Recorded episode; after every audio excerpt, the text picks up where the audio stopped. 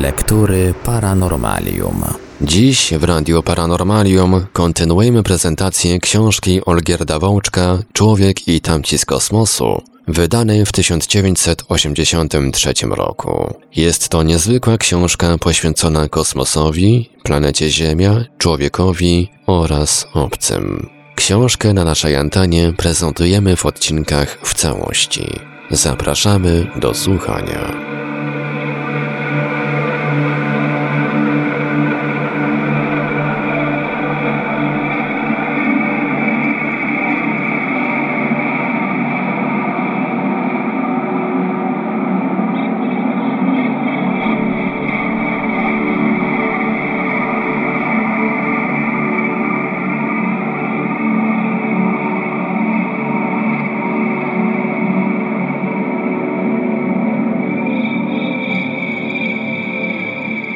Kiedy dziś, korzystając z doskonałych już map, wędrujemy po powierzchni Marsa, na razie tylko w wyobraźni, ale dzień naszego pierwszego lądowania nie jest zapewne odleglejszy w przyszłości niż start pierwszego sztucznego satelity Ziemi w przeszłości.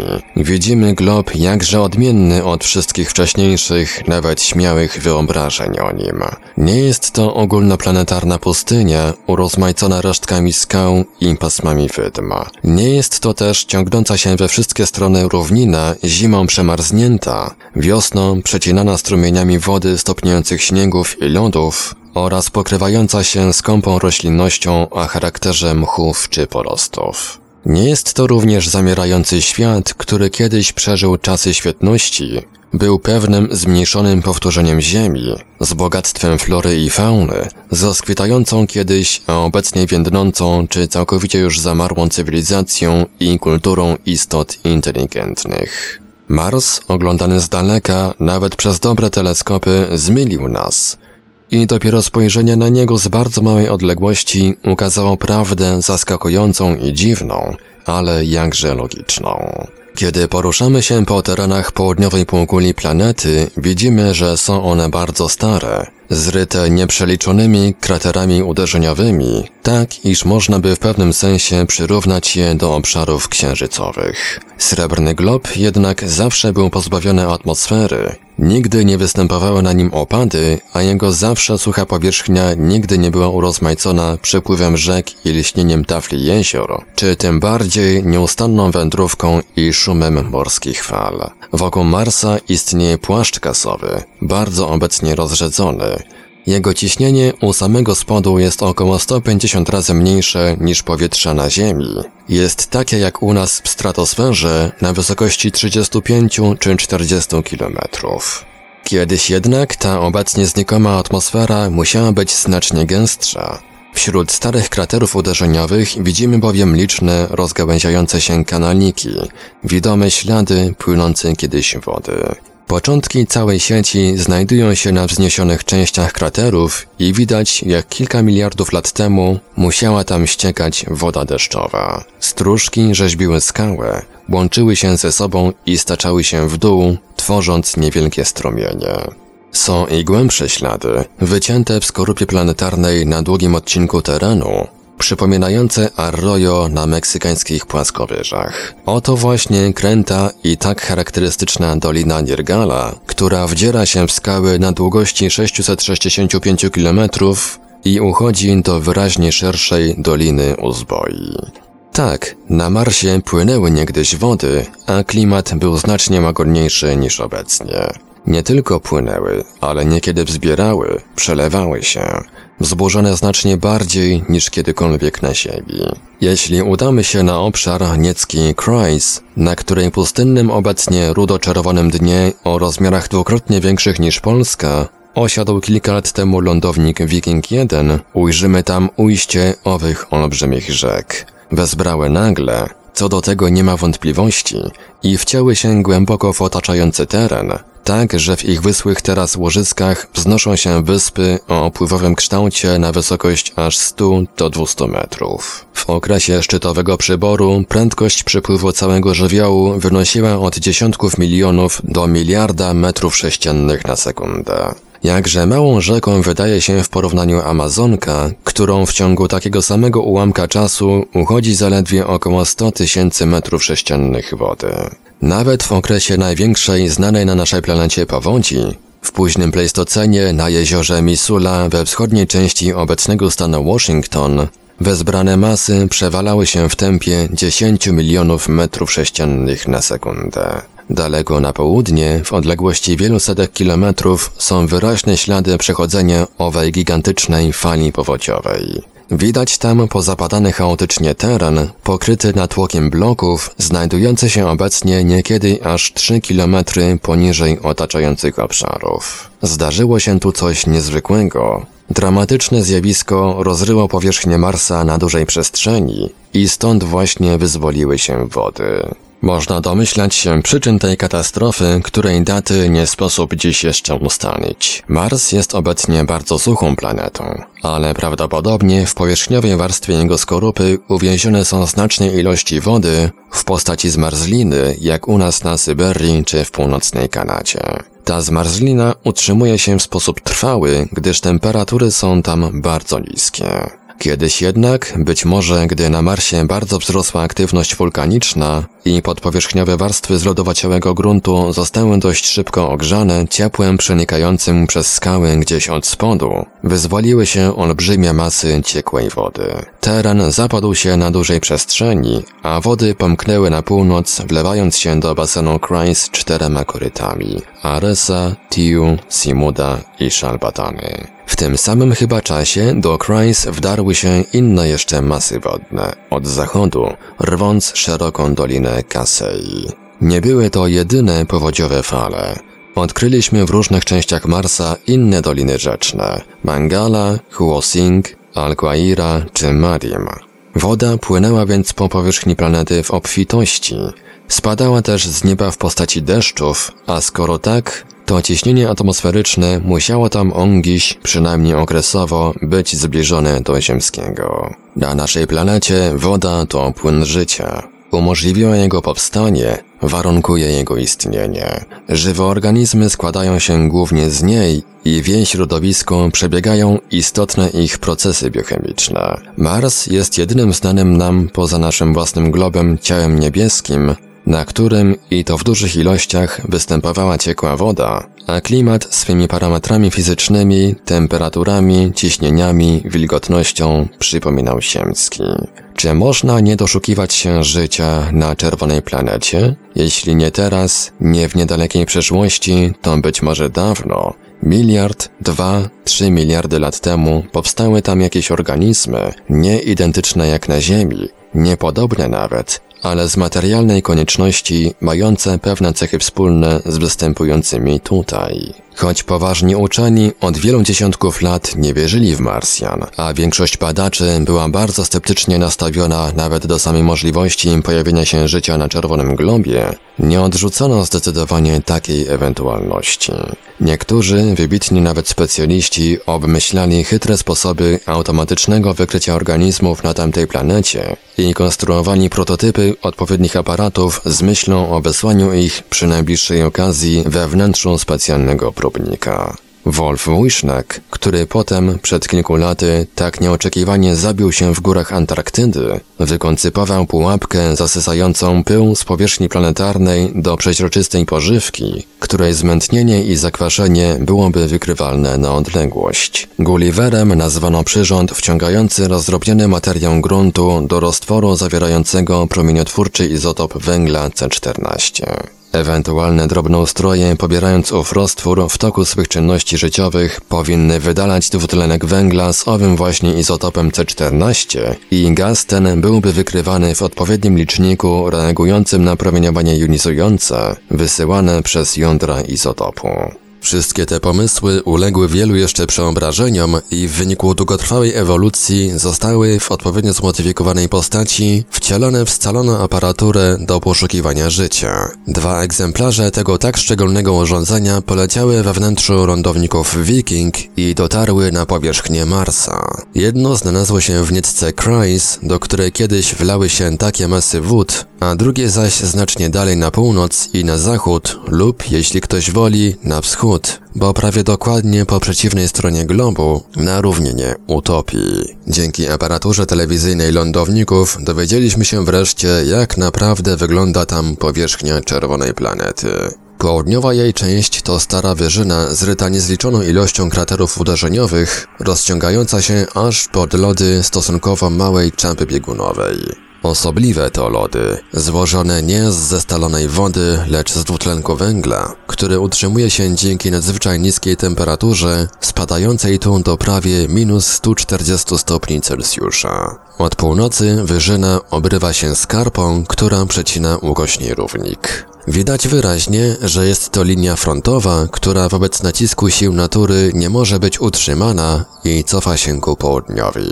Od jak dawna? Zapewne od miliardów lat. Skarpa rozpada się, powstają w niej pęknięcia, rozszerzają się, materiał odpada i leci w dół, na północne niziny w postaci bloków, poupanych fragmentów, drobnych okruchów. Spod obrywów wysuwają się jęzory osuwisk. Rzuca się w oczy szczególna konsystencja tej masy, która, tracąc swoistość i spływając, musiała być półpłynna jak rozmarzające błoto, zdając się świadczyć o znacznej zawartości wody, której też obecność tłumaczyłaby nieustanne osuwanie skarpy ku południu. Jest jakieś bezpośrednie pokrewieństwo tego postrzępionego obszaru, okalającego całą planetę z pozapadanymi chaotycznymi terenami, z których biorą początek prastare, ogromne doliny rzeczne, a także z niezwykłym systemem kanionów Dolin Marinera, ciągnącym się od owych chaosów na długości gdzieś aż 5000 km ku zachodowi.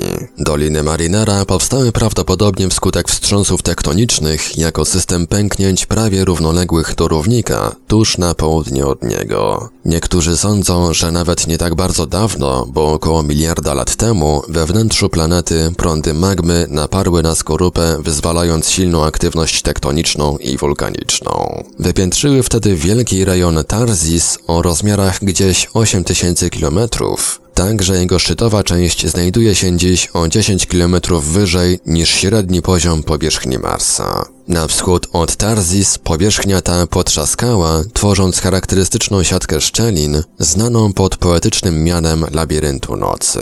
I tu jest początek Dolin Marinera. Skoro już raz zmarzlina spękała, zaczęła się rozsypywać i w tej specyficznej powłoce skorupy planetarnej powstawały głębokie rozpadliny, wąwozy, kaniony. Dziś o rozmiarach nie mających sobie równych w całym Układzie Słonecznym. Dna ich są obecnie bardzo szerokie, lecz opadają miejscami na 7 km poniżej brzegów, które oddalają się od siebie niekiedy na wiele dziesiątków kilometrów. Wszędzie są rozpadające się ściany lawin gruntowych, jęzory osuwisk daleko wysunięte na płaską część doliny.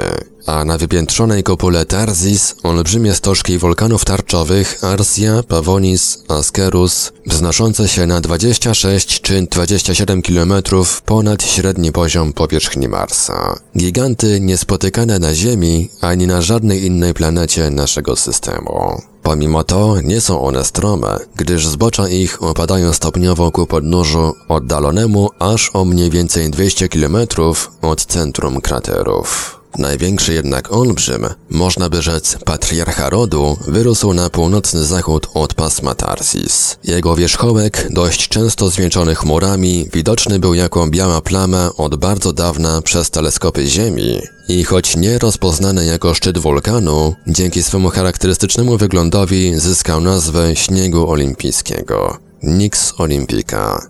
Dziś nosi słusznie miano po prostu Góry Olimp. Wszystkie te wulkany są jakby odzwierciedleniem analogicznych tworów na naszej własnej planecie, takich jak hawajskie Mauna Kea czy Mauna Loa. Ich aktywność była raczej umiarkowana. Nie wypluwały płonących chmur popiołu jak słynny Mont Pelej, który w jednej prawie chwili nakrył nimi niegdyś miasto Saint-Pierre niby ognistą kołdrą, spalając w mgnieniu oka domy i mieszkańców. Lawa marsyjskich gór wylewała się z kraterów oraz spęknieć w ich ścianach stopniowo przez setki i tysiące lat. Wyciekała i cofała się i znów wzbierała, rozpływając się daleko i szeroko, a wulkany wzrastały na coraz większą wysokość. Raz po raz, kiedy napór magmy słabł i kiedy wracała ona do swych komór ukrytych pod powierzchnią, wierzchołki kraterów zapadały się.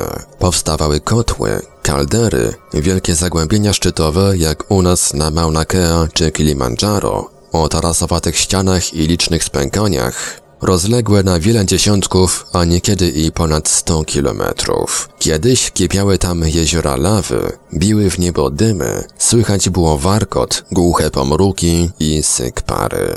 Dziś panuje spokój i nawet pęd wiatru pędzącego tu z szaloną prędkością, ale w tak nadzwyczaj rzadkim ośrodku atmosferycznym nie budzi najsłabszego dźwięku. Poza tą wulkaniczną prowincją ciągną się szeroko północne niziny. Wielka, czerwona pustynia pokryta pyłem, kamieniami i niekiedy większymi blokami. Choć można się było tego spodziewać, pierwszy jej widok przekazany przez kamerę telewizyjną lądownika Viking 1 był zaskakujący. Rude pustkowie, którego monotonię łagodzi lekkie pofalowanie terenu, leżąca skałka nazwana żartobliwie Wielkim Joe i wydmy w głębi. Powierzchnię gruntu powleka czerwonawy, żelazisty pył. Znajduje się wszędzie. Widać go na bloku Joe i jest tak subtelny, że unosi się swobodnie nawet w silnie rozrzedzonej atmosferze, nadając niebu szczególną różową barwę. Tutaj właśnie aparatura lądownika Viking 1 rozpoczęła poszukiwanie śladów życia w postaci chociażby drobnoustrojów, które u nas na Ziemi są tak wszechobecne. Pył z powierzchni Marsa był wciągany do wnętrza urządzenia i tam w sposób automatyczny poddawany różnym procesom, w których trakcie powinny były ujawnić się charakterystyczne reakcje żywych organizmów. Przyswajanie dwutlenku węgla, przemiana materii prowadząca do wydalania odpowiednich składników gazowych. Poszukiwano też obecności materiałów organicznych. Długotrwałe badania przeprowadzone w obu miejscach lądowania, nie tylko w Nitce Kreis, ale również na równinie Utopia, pomimo pewnych, nieoczekiwanych zresztą przebiegów zjawisk w aparaturze, zakończyły się niepowodzeniem. Grunt marsyjski ujawnił swe osobliwości. Docierając do niego bez przeszkód, dzięki silnemu rozrzedzeniu atmosfery, krótkofalowe promieniowanie nadfioletowe w obecności bardzo rozdrobnionych związków żelaza i innych metali, działających jako naturalne katalizatory, musi rozkładać szybko i nader skutecznie wszelką materię organiczną. Dlatego też nie zachowują się tutaj nawet te związki, które spadają w meteorytach, a które można bez trudu stwierdzić w gruncie księżycowym, stykającym się przecież bezpośrednio z ośrodkiem kosmicznym. Jest to okoliczność bardzo niepomyślna dla życia. W obecnych warunkach nie mogłoby ono istnieć i rozwijać się na powierzchni Marsa, przynajmniej w takich formach, jakie występują na Ziemi. Jest to wprawdzie do przyjęcia, że jeśli powstało ono w bardziej sprzyjających okolicznościach, kiedy atmosfera czerwonej planety była znacznie gęstsza niż teraz, gdy płynęły wody i padały deszcze, mogło następnie w miarę pogarszania się warunków, zwiększania się natężenia zabójczego promieniowania, adaptować się do niego, wytwarzając odpowiednie mechanizmy obronne. Ale wtedy powinno ono tam być, w pyle powierzchniowym lub chociażby głębiej pod kamieniami, skąd też pobierane były próbki do szczegółowych badań. Brak jakichkolwiek związków organicznych w tym materiale świadczy o nieobecności nawet szczątków organizmów. Być może poszukiwaliśmy życia nie tam, gdzie należało. Wszak do przeprowadzenia badań wybraliśmy akurat pustynię, jałowe obszary o bardzo surowym klimacie, temperaturach utrzymujących się na poziomie znacznie niższym od punktu zamarzania wody. Same warunki jednak o niczym nie świadczą, jeśli był czas na przystosowanie się do nich. Carl Sagan, wybitny badacz planet i Joshua Leiderberg, laureat Nagrody Nobla, na dwa i pół roku przed wylądowaniem wikingów na powierzchni Czerwonego Globu, podjęli śmiałą próbę wyobrażenia sobie ewentualnych organizmów marsyjskich. Wymyślili oni aż cztery ich kategorie, które mogłyby istnieć i rozwijać się w tamtejszych warunkach. Niekonwencjonalny punkt widzenia obu uczonych zasługuje na szczególną uwagę. Organizmy najbardziej podobne do ziemskich, zdolne do życia w temperaturach nie niższych niż gdzieś minus 30 stopni i potrzebujące ciekłej wody, wymagają warunków szczególnych, takich jakie na Marsie występowały dawno temu, gdy płynęły rzeki i padały deszcze. Wilgoć jednak pojawia się przejściowo w porowatym gruncie planety, nawet w bardzo niskich temperaturach o nocnej porze, a utrzymywaniu się tam wody może sprzyjać specyficzny charakter fizykochemiczny materiałów gruntu. I to powinno umożliwić egzystencję innych organizmów, które dostosowały się do temperatur niższych od minus 30 stopni. Są jednak do pomyślenia również takie żywe twory nieznane na Ziemi, którym wystarczyłaby woda nawet w postaci lodu, byle ciepłota otoczenia nie była zbyt niska. Koniecznie jest przecież tylko, aby w ich wnętrzu płyny ustrojowe w formie roztworów miały postać ciekłą. Największą niespodziankę sprawili Sagan i Leiderberg czwartą kategorią organizmów, wytrzymujących bardzo niskie temperatury i zadowalających się wodą przyswajoną z nadzwyczaj silnie przemarzniętego gruntu. Uczeni przytaczają nawet argumenty faworyzujące większe rozmiary takich marsyjskich zwierząt. Petrofagów, pożeraczy skał i krystofagów, pożeraczy krystalicznej wody. Naturalnie pomysły Sagana i Leiderberga stanowiły tylko bardzo śmiałą hipotezę roboczą, która nie sprawdziła się w miejscu lądowania próbników Viking i z pewnością nigdy nie znajdzie potwierdzenia. Wypada przypomnieć, że przy użyciu telewizyjnych kamer obu lądowników próbowano stwierdzić, czy się coś nie porusza w polu widzenia tych urządzeń, ale oczywiście bezskutecznie. Z doświadczeń ziemskich wiemy dziś, że powstanie i rozwój życia wymagają czegoś więcej niż obecności wody, możliwości syntezy prostych związków organicznych, odpowiedniej temperatury, występowania atmosfery. Wiele czynników musiało oddziaływać łącznie lub po kolei, by mogły powstać najprostsze organizmy, a ich dźwiganie się po najniższych szczeblach drabiny ewolucyjnej trwało niezwykle długo miliardy lat. Ziemia, jak można dziś sądzić, była tą jedyną planetą Układu Słonecznego, która dzięki szczególnie sprzyjającym warunkom poczęła życie. Ewolucja globu, kulminująca w tektonice płyt i wędrówce kontynentów, wytworzenie pola magnetycznego o dostatecznie dużym natężeniu, chroniącego powierzchnię planetarną przed strumieniami niebezpiecznych cząstek naładowanych ze Słońca i z głębi galaktyki, powstanie i ewolucja mórz z ich ciepłymi, przybrzeżnymi zbiornikami, wpływy kosmiczne na klimat, wszystko to zadecydowało o narodzinach organizmów, o możliwościach ich wznoszenia się wzwyż, tak aby potem mógł pojawić się człowiek. Mars jakby z góry pozbawiony był tej szansy. Michael Hart wykonał pouczającą serię doświadczeń w komputerze, które wprawdzie różni badacze uważają trochę za zabawę w naukę, a trochę za ryzykowną ekstrapolację, ale które, pomimo grubego przybliżenia, ukazują chyba istotną część prawdy. Warto tu w kilku słowach powiedzieć, na czym takie doświadczenia polegają. Otóż niejednokrotnie nie jest możliwe przeprowadzenie w laboratorium eksperymentów dotyczących różnych zjawisk, czy to ze względu na ich złożoność, czy wielką skalę, czy skrajne warunki, czy bardzo długi czas przebiegu, czy inne jeszcze okoliczności. Z sytuacją taką mamy do czynienia m.in. w przypadku wydarzeń obejmujących całe planety lub cały system okołogwiazdowy, jakim jest na przykład Układ Słoneczny. Wtedy odpowiednie, niestety z natury rzeczy uproszczone dane wprowadza się do komputera, aby naśladować zjawiska przebiegające w naturze. Mówię niestety, bo wskutek takiego uproszczenia wyniki doświadczeń symulacyjnych stanowią tylko zniekształcony, niekiedy wręcz prymitywny obraz rzeczywistości.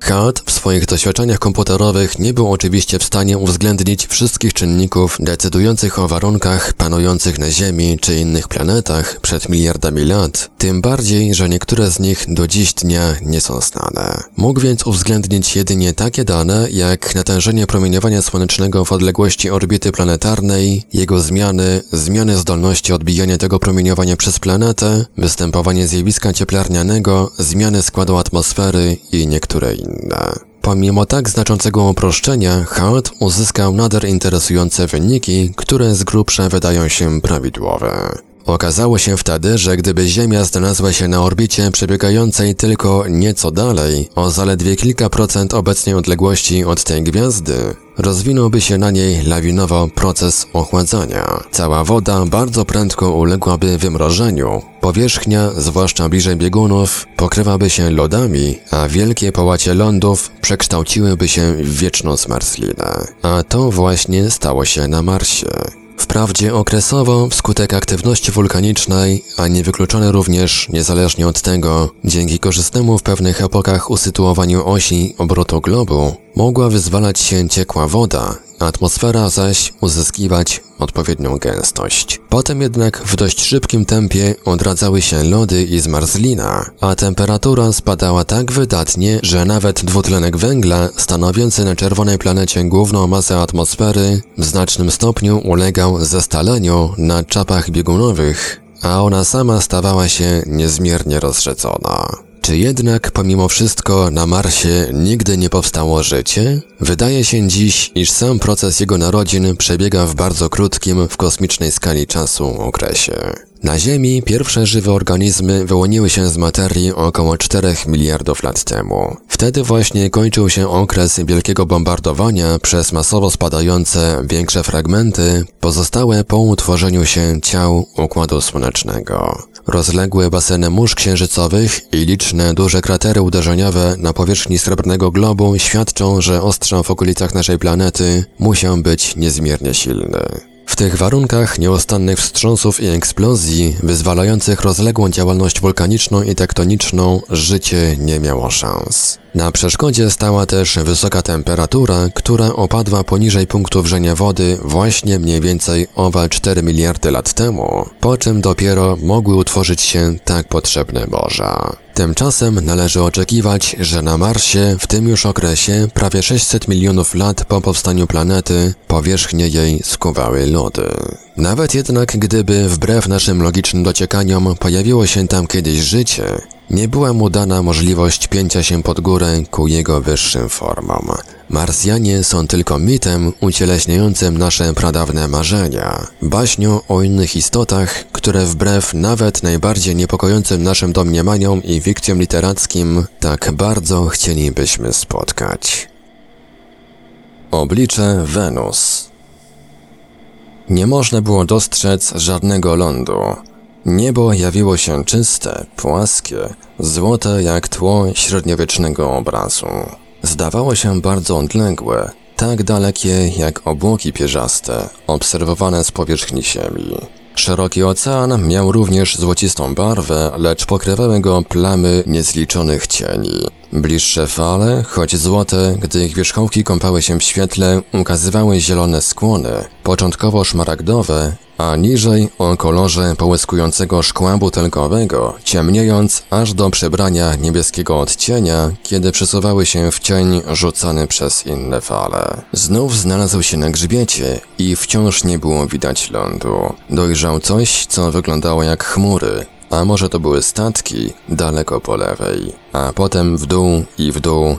Myślał, że nigdy nie dotrze do końca. Spostrzegł przed sobą falę teraz tak wysoką, że było to straszne. W naszym własnym świecie, na Ziemi, mówimy o powierzchni morza wypiętrzonej jak góry, podczas gdy wznosi się ona niewiele wyżej niż na długość masztu. Lecz tym razem było to coś rzeczywistego. Gdyby ten ogromny kształt był wzgórzem lądu, a nie wody, Ronsom musiałby zużyć całe przedpołudnie albo dłużej, wspinając się na zbocze, zanim by osiągnął wierzchołek. Olbrzymia fala ogarnęła go i wyrzuciła na tę wysokość w ciągu zaledwie sekund, lecz zanim osiągnął szczyt, prawie wrzasnął z przerażenia. Fala nie miała gładkiego wierzchołka jak inna. Pojawił się straszliwy grzebień, postrzępione, wzburzone i fantastyczne kształty, nienaturalne, nawet nieciekłe z wyglądu, wyrastały z grzbietu. Skały? Piana? Bestie? Wielki ocean na Wenus. Tak widział ją Louis w swej Perelandrze, tak też przedstawili sobie ten glob inni literaci. Maurice Leblanc, twórca nieśmiertelnego Arsena Lupina, w swojej powieści Troje Oczu posunął się jeszcze dalej, pokrywając planetę wszechmorzem, w którym żyły i tworzyły swą wysoce rozwiniętą cywilizację podwodne istoty inteligentne. Wszystkich tych twórców fantastyki zmyliła gruba, bardzo jasna powłoka chmur, otulająca glob i przewodząca na myśl konieczność występowania pod nią rozległych mas wodnych. Woda, woda, wszędzie woda. Deszcz trwa trwał. Był to uporczywy deszcz, nieustanny deszcz, deszcz pocący się i parujący, gęsta mrzawka i ulewa, i fontanna, chłostanie oczu, prąd podmywający kostki. Był to deszcz zatapiający wszystkie drzewa i pamięć deszczów. Spadał kilogramami i tonami, siekł dżungle i ciął drzewa jak nożyce, ścinał trawę, drążył tunele w glebie i roztapiał krzewy. Kurczył ręce ludzi w kształt rąk pomarszczonych małp. Padał lity szklany deszcz i nigdy nie ustawał. Przekroczyli rzekę i dopływ, i strumień, i tuzin innych rzek i dopływów, i strumieni. Rzeki pojawiały się przed nimi pędząc, a potem nowe rzeki, podczas gdy dawne zmieniały kierunek. Rzeki o barwie rtęci, rzeki o barwie srebra i mleka. Dotarli do morza, morza jedynego. Był tylko jeden kontynent na Wenus. Ląd miał długość 5000 kilometrów, szerokość półtora tysiąca, a wokół tej wyspy znajdowało się morze jedyne, które pokrywało całą deszczową planetę. Morze jedyne, zalegające blade wybrzeże, prawie nieruchome. Wizja Raya Bradbury'ego w jego deszczu bez końca jest tak sugestywna, że można by w nią uwierzyć, gdyby się nie wiedziało, że jest to tylko pięknie napisane opowiadanie fantastyczno-naukowe. Woda pozostaje jednak w pamięci i odruchowo Wenus zaczyna kojarzyć się z nią. Szukamy tam, jeśli już nie wszechmorza, wielkich zbiorników wodnych, to przynajmniej rozlewisk, bagien, moczarów, choćby takich, jakich widok roztacza przed nami Malcolm Jameson w liliach wodnych. Tombow miał groteskowo człowiekokształtny wygląd, bardziej groteskowy niż wielkie małpy na ziemi. Różnica zaznaczała się przede wszystkim w stopach, mających postać ogromnych rozpłaszczonych łap. Umożliwiały chodzenie po bagnach, gdyż rozkładały ciężar ciała na dużą przestrzeń, dzięki czemu Tombow mógł bezpiecznie poruszać się po wątłej skorupie pokrywającej gęste błoto trzęsawisk. Łapy te, jak u kaczki, miały długie, zwężające się ku końcowi palce, zrośnięte błonami. Mimo złej widoczności, droga sportu okazała się bardzo ciekawa. Maxwell doznał dziwnego uczucia, gdy sześciu drżących niewolników niosło go na ramionach przez nieprzebyte bagniska. Równocześnie zdumiewała go szaleńcza roślinność otaczająca zewsząd. Różnorodność nieznanych mu wcale gatunków była nieskończona, a więc i nieskończone pole do naukowych badań. Z uwagi jednak na niebywale wysoką śmiertelność, trudno się było spodziewać, by człowiek kiedykolwiek poznał dokładniej wszystkie formy życia na Wenus. Od czasu do czasu pokazywały się jakieś zwierzęta. Jeśli to w ogóle były zwierzęta, tak samo dziwaczne i niesamowite jak fantastycznie kwitnące liany, dymiące krzewy i drzewa wydające głuchy, metaliczny, zgrzytliwy dźwięk pękniętego dzwonu. Człowiek, przenosząc się w wyobraźni na inną planetę, zabiera z sobą cząstkę własnego świata. Szukając tam egzotyki i niecodziennych przeżyć, nadaje im odblask rzeczy oraz zjawisk znajomych i często widzi, nie poznając tego lub nie przyznając się do tego wobec siebie samego, fragment ziemi odbity w krzywym zwierciadle. Jest deszcz, Deszcz odmienny niby od naszego, przekształcający wszystko w jedną ciekłą masę, ale jeszcze deszcz, który mógłby padać gdzieś w podzwrotnikowej dżungli, podmokłej i podmywanej wezbranymi nurtami rzek. Jest morze bez brzegów, bez krańców, odbijające dziwne światła nieba i ukazujące w podniesionych skłonach fal tajemnicze barwy swej głębi, ale nikt jeszcze nie powie, że nigdy takiego morza nie znajdzie na ziemi. Dla nadania wizji wiarygodności pisarz wprowadza więc egzotyczne szczegóły. Potwornie wielką falę, w której czai się nieznane, rzeki jakby spływające rtęcią i srebrem i mlekiem, dymiące krzewy na bagnach i drzewa dźwięczące metalicznie jak pęknięty dzwon. A potem, gdy dojrzeje technika, opancerzone sądy i lądowniki wdzierają się w gęstą, zasnutą nieprzeniknionymi warstwami obłoków atmosferę planety i sztucznymi zmysłami swych elektronicznych przyrządów patrzą, słuchają, węszą, przekazują za pośrednictwem fal radiowych lakoniczne, rzeczowe informacje. Wyłaniają się z nich fragmenty obrazu, które częściowo są rozmyte. Składamy je cierpliwie, ponawiamy próby i ukazuje się nam świat jakże odmienny od świata naszych oczekiwań, wyobrażeń, pragnień. Zanim dotarliśmy do Wenus, napisano na jej temat wiele tomów. Chociaż mnóstwo badaczy i literatów wiedziało w niej świat tropikalny, ociekający wodą, a dawniejsi skłaniali się nawet do przekonania, iż tamtejsze warunki przypominają raczej panujące u nas w epoce węglowej, z całym bogactwem rozrośniętej, paprotnikowej flory i olbrzymich zwierząt przywodzących na myśl dinozaury, byli i inni. St. John i Nicholson Amerykańscy astrofizycy, nie sugerując się występowaniem bardzo zbitej powłoki chmur, lecz biorąc pod uwagę fakt, że mimo usilnych zabiegów nie udawało się w atmosferze Wenus wykryć na drodze szczegółowych obserwacji spektroskopowych nawet śladów pary wodnej, zdecydowali się na zupełną zmianę scenerii. W roku 1922 pokazali obraz planety jako jałowej pustyni przesłoniętej tumanami piasku i pyłu, który pędziły gwałtowne wiatry. Obraz ten zyskał oparcie w odkryciu znacznych ilości dwutlenku węgla w atmosferze globu. Gdyby na Wenus istniały obfite źródła wody i jej zbiorniki, gaz ten uległby tam skutecznemu pochłonięciu, podobnie jak to jest na Ziemi. Fred Hoyle, wybitny astronom brytyjski, znany ze śmiałych pomysłów, autor bardzo głośnych książek fantastyczno-naukowych, odznaczających się zaskakującą fabułą, takich jak chociażby Czarny Obłok, posunął się jeszcze dalej. Obecny brak wody na Wenus tłumaczył on występowaniem na jej powierzchni wielkich ilości węglowodorów, czegoś w rodzaju ropy naftowej. Jako lżejsze miały one pływać na warstwie wody istniejącej pierwotnie, a utleniając się jej kosztem spowodować w końcu jej zanik. W procesie tym zaś powstawał dwutlenek węgla, który stopniowo wypełnił atmosferę. W gorącym klimacie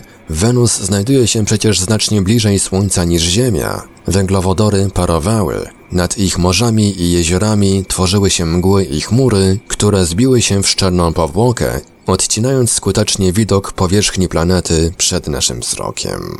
Hipotezy skąpanego w wodzie globu upadły zupełnie, kiedy odkryto, że występuje tam intensywne zjawisko cieplarniane. Badania promieniowania podczerwonego i radiowego wykazały, iż powierzchnia planety jest znacznie cieplejsza niż wynikało to z jej aktualnej odległości od Słońca. Atmosfera Wenus spełnia tam więc taką funkcję jak dach cieplarni, umożliwiając docieranie części promieniowania gwiazdy centralnej naszego układu poniżej poziomu obłoków. Promieniowanie pochłonięte przez grunt wenusyjski emitowane jest następnie głównie w postaci podczerwieni, dla której chmury stanowią pewną przeszkodę.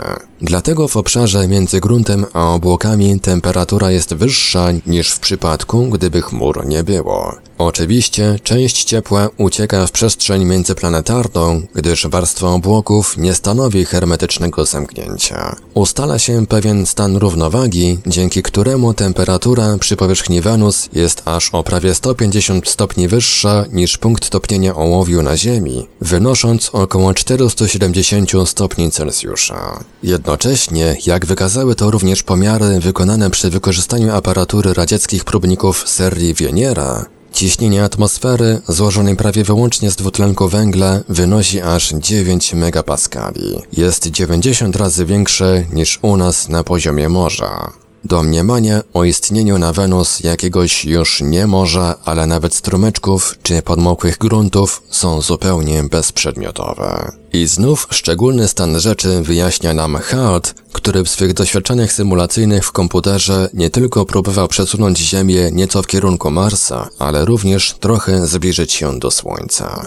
Tym ostatnim przypadku okazało się, że wystarczy naszą planetę umieścić na orbicie o promieniu krótszym tylko o kilka procent od obecnego, a już wkrótce musi się rozwinąć zjawisko cieplarniane i to o przebiegu lawinowym. Nieznaczne tylko zwiększenie strumienia promieniowania słonecznego powoduje takie podwyższenie ciepłoty powierzchni globu, że znajdująca się na niej woda przechodzi stopniowo, lecz całkowicie do atmosfery tworząc grubą powłokę chmur potęgującą zjawisko cieplarniane i wznosząc się wysoko ponad tę powłokę. Tam para wodna musi ulegać nieodwracalnemu rozkładowi pod wpływem słonecznego promieniowania nadfioletowego na wodór i tlen. Pierwszy z nich, jako bardzo lotny, uchodzi bezpowrotnie w przestrzeń międzyplanetarną, a tlen wraca ku powierzchni i ulega związaniu ze składnikami materiałów skalnych. Cały proces rozkładu wody przebiega szybko, tak że już w dość wczesnej fazie istnienia na orbicie bliższej Słońca planeta pozbywa się tej substancji, staje się sucha i gorąca. Szczęśliwa Ziemia, która znalazła się we właściwej odległości od swej gwiazdy. W przeciwnym wypadku stałaby się zlodowaciałą pustynią albo rozpalonym piekłem. Spróbujmy jednak przyjrzeć się Wenus z bliska, nie kierując się emocjami ani uprzedzeniami. Podejmijmy na nią podróż, tak jakbyśmy już dziś dysponowali statkiem załogowym, mogącym nie tylko dowieść nas w bezpośrednie sąsiedztwo planety, ale przeniknąć w jej atmosferę, przebić się przez powłokę chmur. Statkiem, z którego pokładu moglibyśmy zobaczyć powierzchnię globu, a następnie wylądować na nim. Wspaniały jest widok Wenus nawet z odległości orbity okołosłonecznej Ziemi. Planeta świeci silnie w pewnych porach o zmierzchu jako Hesperus, gwiazda wieczorna, a kiedy indziej o świcie jako Fosforus, gwiazda poranna, czasami tak jasno, że przedmioty rzucają cienie. Jej blask nie jest jednak biały, lecz wyraźnie żółtawy, tak że wypada nazywać ją złotą planetą. Kiedy wzlatujemy ku niej, wydaje się najjaśniejszą z gwiazd. Potem stopniowo złote światło przekształca się w maleńką tarczkę, która zwolna rośnie w oczach, lecz w miarę zbliżania się pozostaje jednolitym, matowym zwierciadłem promieniowania słonecznego, pozbawionym jakichkolwiek szczegółów. Gdybyśmy mieli oczy czułe na nadfiolet, ujrzelibyśmy ciemne przestrzenie, przezierające poprzez grube, jasne smugi wysokich mgieł, nawinięte wokół Wenus jak pasma włóczki. Lecz próżno by szukać tam w głębi widoków powierzchni, schowanej w istocie za gęstymi warstwami mas obłocznych. Nasz statek zbliża się do złotej planety, odbijającej teraz światło słońca tak silnie, że nie sposób spoglądać na nią bez szkieł ochronnych. Zaczynamy spadać w dół, a kiedy znajdujemy się już na poziomie owych ponadobłocznych mgieł, z bliska okazują się one bardzo rzadkie i nie utrudniają widoczności. W najwyższą strefę chmur zanurzamy się na wysokości 70 km nad poziomem powierzchni globu. Różnią się tu one wyraźnie od ziemskich obłoków przypominają raczej mgłę. Warstwa ich ma grubość około 5 km, nic więc dziwnego, że nie dostrzega się już przez nie słońca w postaci tarczy. Widoczność jest jednak znacznie lepsza niż podczas jazdy po powierzchni Ziemi w mglisty poranek. Chmury są osobliwe. Tworzą je pylinki nie wody, ale stężonego 80% kwasu siarkowego o temperaturze zaledwie o kilka stopni powyżej zera. Lecz już wpadamy w kolejną warstwę obłoków, gęstszą i cieplejszą. Wciąż otaczają nas drobne kropelki kwasu siarkowego, o temperaturze jednak plus 40 stopni Celsjusza. Chmury są gęstsze, wzrok sięga tu na odległość gdzieś półtora kilometra. Warstwa kończy się. Mijamy szczelinę i wnikamy w zwarte obłoki, przypominające wreszcie wyglądem takie, jakie widzimy na Ziemi. Wciąż jest to kwas siarkowy, a oprócz niego również kropelki siarki i zestalone jej cząstki. Woda rezyduje w kwasie, pochłonięta przez niego, gdyż jest on przecież silnie higroskopijny. Rzut oka na przyrządy informuje, że ciśnienie zewnętrzne jest tu mniej więcej takie jak u nas na poziomie morza, a temperatura wzrosła do plus 80 stopni Celsjusza. Robi się coraz mroczniej, tak właśnie jak wtedy, gdy ziemskie niebo zaciągają ławice obłoków. Opadamy teraz w mgle, która kończy się dopiero na wysokości 32 km nad powierzchnią Wenus. Odtąd atmosfera staje się bardzo przeźroczysta. Widać na odległość aż 80 km. Lecz w miarę obniżania się światło wyraźnie czerwienieje. Wpierw jest to jakby lekkie różowienie przestrzeni, a potem stopniowo zapada coraz bardziej czerwony zmierzch.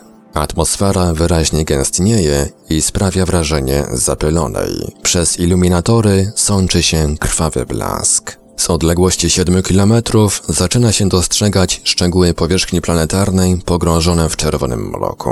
Jakby się opadało w piekło. Na zewnątrz jest też niezwykle gorąco, prawdziwie jak w jakimś piecu. Kiedy statek nasz osiada na twardym gruncie, wszystko tonie w ponurej poświacie, lecz źródła jej nie widać. Spoglądając ku górze, nie sposób określić, gdzie to na niebie, poza zwartymi warstwami obłoków, znajduje się słońce. Przez iluminator statku widać teren bardzo pofalowany, wysycony skąpym, przegasającym blaskiem i zatracający się w nieokreślonej dali. Wiadomo jednak, że horyzont w najlepszym przypadku znajduje się w odległości gdzieś 3 kilometrów. Na zewnątrz żar sięgający 500 stopni Celsjusza. W tej temperaturze parują nawet skały, tracąc związki siarki, chloru i fluoru, które przenikają do atmosfery. Zrozumiałe jest więc, że chmury wysoko nad powierzchnią planety zawierają kwas siarkowy, a sam jej płaszcz gazowy duszący dwutlenek siarki, żrący chlorowodór i tak silnie trujący fluorowodór. Lecz na tym nie wyczerpują się osobliwości Wenus. Kiedy w roku 1975 na jej powierzchni osiadły radzieckie lądowniki Wieniera 9 i Wieniera 10, mogliśmy po raz pierwszy dzięki ich kamerom telewizyjnym zobaczyć jak ona wygląda. Wieniera 9 spoczęła na bardzo pochyłym zboczu, którego powierzchnia musiała zostać ukształtowana stosunkowo nie tak dawno temu. Znajdują się tam wielkie głazy, niektóre o ponadmetrowych rozmiarach, ale są też drobniejsze fragmenty o średnicach dziesiątków centymetrów. Krawędzie wielu z nich mają ostre kształty, co wskazuje na ich niedawne powstanie. Gdyby były starsze, musiałyby ulec zniszczeniu przez erozję lub przynajmniej ich brzegi uległyby zaokrągleniu. Można sądzić, że głazy oderwały się wskutek jakichś wstrząsów tektonicznych skorupy planetarnej. Zupełnie odmienny charakter ma teren lądowania Wieniery 10, znajdujący się o ponad 2000 km na południe od miejsca spadku Wieniery 9. Sprawia on wrażenie równiny lub płaskowyżu o dość wyrównanej powierzchni, usianej nieznacznie wystającymi gładkimi blokami kamiennymi. Kształtem przypominają one ogromne naleśniki.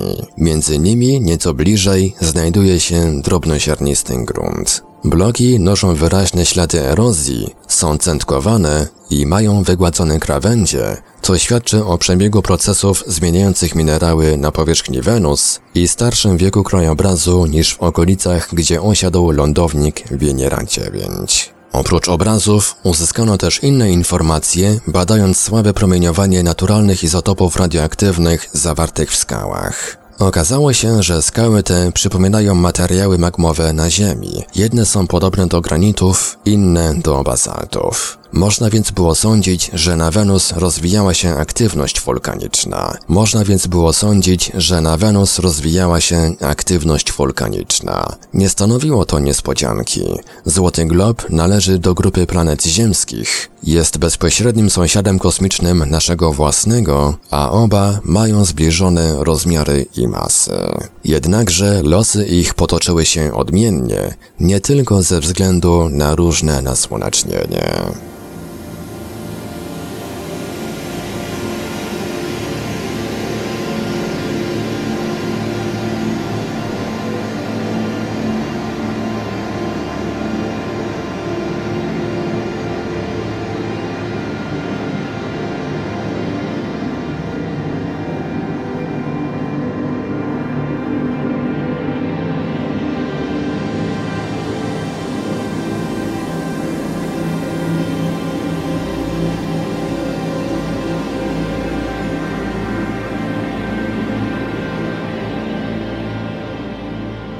Radio Paranormalium zaprezentowaliśmy fragment książki Olgierda Wołczka Człowiek i tamci z kosmosu, wydanej w roku 1983.